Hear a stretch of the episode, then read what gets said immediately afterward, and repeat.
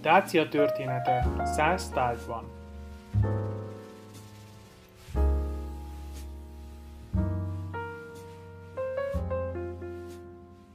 Az ókori ember kreativitásának egyik bizonyítéka, hogy ikonográfiában számos olyan kombinációt fogunk találni a római birodalom területén,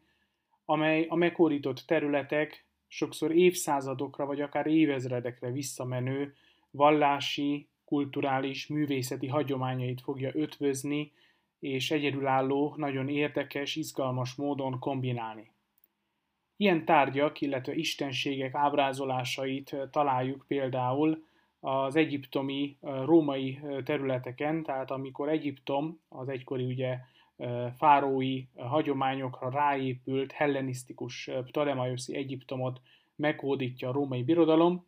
számos olyan érdekes, egyedülálló ikonográfia fog születni, amely részben a fáraói, vagy több évszázados, több évezredes hagyományokat fogja ötvözni a hellenisztikus és később a római hagyományokkal. Ezek a sajátos és nem egyszer egyedülálló ikonográfiák aztán a társadalmi mobilitás, a hadsereg állandó mobilitását, mobilitása miatt elterjednek a birodalom szinte minden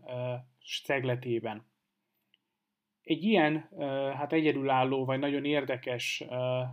ábrázolás találunk Dáciában is, nevezetesen Jupiter Ammon istenségnek az ábrázolását.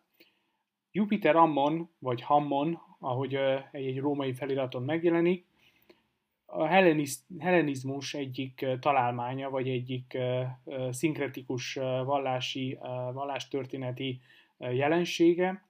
Ammon istenség természetesen már a fárói korban, vagyis a görög világ előtti Egyiptomban is feltűnik, megjelenik, mint ősonos egyiptomi istenség, azonban a hellenizmus évszázadai alatt, tehát Nagy Sándortól egészen Augustus koráig ez a helyi istenség, főleg a Siva sivatagban, a Sivai oázisban sajátos hellenisztikus jelleget és ábrázolásmódot fog nyerni. Ammon istenség híres jelképe a hát kecske szarv, illetve a, a bak szarv, az egybe olvad, vagy átalakul klasszikus görög istenábrázolással, a nagy szakállas idős Zeus ábrázolásával, és ez a Baxarvú Zeus ábrázolása lesz a, a egyik legfelismerhetőbb szimbóluma Jupiter Ammonnak, vagy Zeus Hammonnak. A Sivai oázisban ennek az újonnan létrehozott hellenisztikus istenségnek, amely ugye ötvözi, kombinálja a fárói vallási hagyományokat a hellenisztikus görög hagyományokkal, tehát ennek az istenségnek a, ebben a, egyébként nagyon elszigetelt, minden fő útvonaltól távol eső oázisban lesz egy nagyon jelentős jósdája, orákuluma, amely elsősorban Nagy Sándor látogatása miatt a későbbiekben is népszerű jósda lesz, és hát számos hadvezér, illetve politikai személyiség, de hát valószínűleg közemberek is nagy előszeretettel látogatták. Általában az ilyen hírességeknek, illetve később félistenekké avatott személyiségeknek a látogatása egy-egy jósda helyet, de akár egy-egy szentét is mondjuk úgy, hogy népszerűbbé tett, egy kiváló PR marketing fogás volt az, ha egy-egy ilyen szentét meglátogatott mondjuk Nagy Sándor, Augustus császár vagy Julius Cézár. Tehát a Síva oázis, a Jupiter Ammon szentélye, jósdája is ezeknek a híres látogatásoknak köszönhette a későbbi birodalmi hírnevét, és valószínűleg, hogy emiatt is Jupiter Ammonnak ez a bakszarvú idős Jupiter ábrázolása elterjed igen széles körben a római birodalomban, bekerül a hagyományos római ikonográfiák legváltozatosabb formáiba, gemmákon, aprócska tárgyakon, hordozható tárgyakon ugyanúgy megtaláljuk, mint például funerális sír ábrázolásokon, legyen szó akár építészeti elemekről, vagy különböző a sírokat díszítő, mauzolomokat díszítő elemekről. Például Dáciában is legalább 21 olyan emlékművet ismerünk, döntő többségében funerális környezetből, amely a Jupiter Ammon fejét ábrázolja, tehát a bakszarv és Jupiternek a szakállas sajátos arcvonásai fölismerhetőek. Ezek nagy része, mint említettem, tehát Erdély területéről, főleg nagyvárosi, urbánus környezetből kerülnek elő, és legtöbbször funerális, tehát sír kontextusra utalnak. Ezeket ábrázolták legtöbbször tehetős, feltehetően keleti provinciákból származó személyek preferálták ezt az ábrázolásmódot. Az, hogy hogyan került egy Józsához köthető istenség a funerális túlvilági ábrázolásba, illetve hát, vizuális világba, vizuális nyelvezetbe, azt nehéz rekonstruálni, tehát ez az egyik rejtély ennek a, az istenségnek, illetve ennek a hát, vizuális nyelv transfernek, amely ugye a római birodalomban igen gyakran megtörténik, tehát funkciót vált az istenség, vagy egy olyan funkcióval is azonosul, amely eredetileg ugye Egyiptomban még nem feltétlenül volt ugye ismert. Minden esetre a hellenizmus már, illetve a kis, aztán később a római birodalom rengeteg ilyen értelmezési innovációt fog hozni egy-egy ikonográfiában, amely megváltoztatja nem csak az adott istenségnek a funkcióit bővíti, hanem az ikonográfiát is rendkívül hát, változatossá teszi, illetve azok funkcionalitását kiszélesíti. Tehát a vallási, votív sajátosságokon túl funerális jelleget is kap ez az istenség. Érdekes tehát, hogy ez, ez a lépés mikor történik meg, illetve mivel magyarázható. Túl sok forrásunk erre vonatkozóan nincs. Azonban az biztos, hogy Erdélyben a forrásaink többsége az mind nagy mauzóleumokat díszíthetett, illetve azoknak az igen méretes nyomait találjuk meg. Az egyik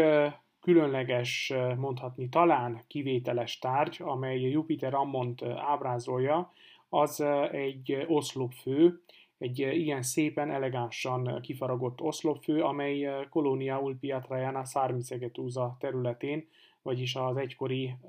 dáciai főváros területén kerül elő, valamikor a 20. század első évtizedeiben, sajnos pontosan a felfedezés körülményei, helye nem ismert, kis szakirodalomban úgy vonul be már a 30-as években, mint hát véletlenül felfedezett ismeretlen lelőhelyű tárgy. Annyit tudunk csupán, hogy a főváros, az egykori főváros, a mai Várhely falu területéről származik ez a, igen nagy méretű és rendkívül érdekes, az egész provinciában egyedülállónak számító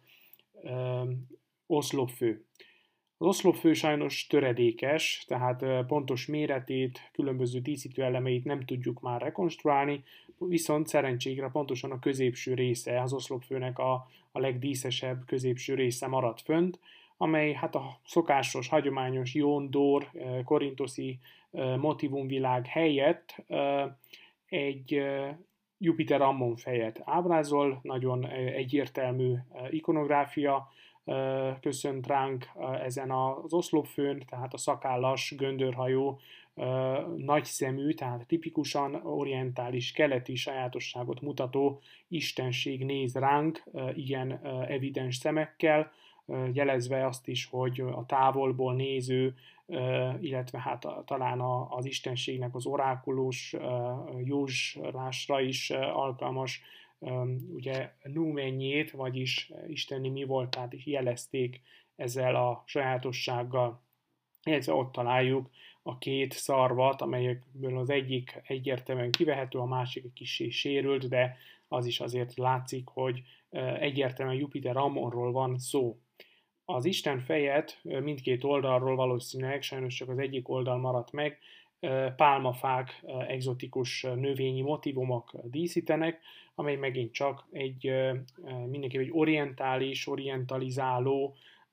jelleget mutat, tehát ennek az oszlopfőnek az értelmezése egyelőre nem biztos, nem tudjuk, hogy szentélyből, egy épületből, vagy ugye egy mauzóleumból került elő, egyik sem zárható ki, nem kizárt. Tehát, hogy Szarviszegetúza egyik szentélyében, legyen szó akár egy Isis, Serapis szentélyben, tehát egy egyiptomi kultuszoknak dedikált helyről kerülhetett elő ez a Jupiter Ammon oszlopfő, de az sem kizárt, hogy a számos palmüriai, vagyis szíriai közösség templomaiból kerülhetett ez elő. Tudjuk azt, hogy a területén legalább kettő szíriai templom is volt, az egyik a városfalon kívül, egy dombon, amelyet még a 19. században fedeznek fel a, a Hunyad Vármegyei Régészeti Társulat neves régészei, és egy másik, amelyet nem régiben azonosítottak a város szívében, a fórum mellett. Tehát ez az oszlopfő, amely egyedülálló Dácia területéről, akár ezekből a keleti istenségeknek szentelt helyekből, szentélyekből, szakralizált terekből is előkerülhetett, de nem kizárt, hogy hasonlóan a többi, mint egy 21 másik Ammon ábrázoláshoz, ez is egy funerális környezetből, egy sírból, egy nagy mauzeuleumból kerülhetett elő. Sajnos a környezete, a pontos felfedezési helye ennek a tárgynak nem ismert, azonban azon ikonográfiai kuriózumok közé tartozik, amelyet hát érdemes meglátogatni annak, aki a Dévai Régészeti Múzeumba, illetve lapidáriumba látogat. Ez a egyedülálló tárgy oda került a 20. században.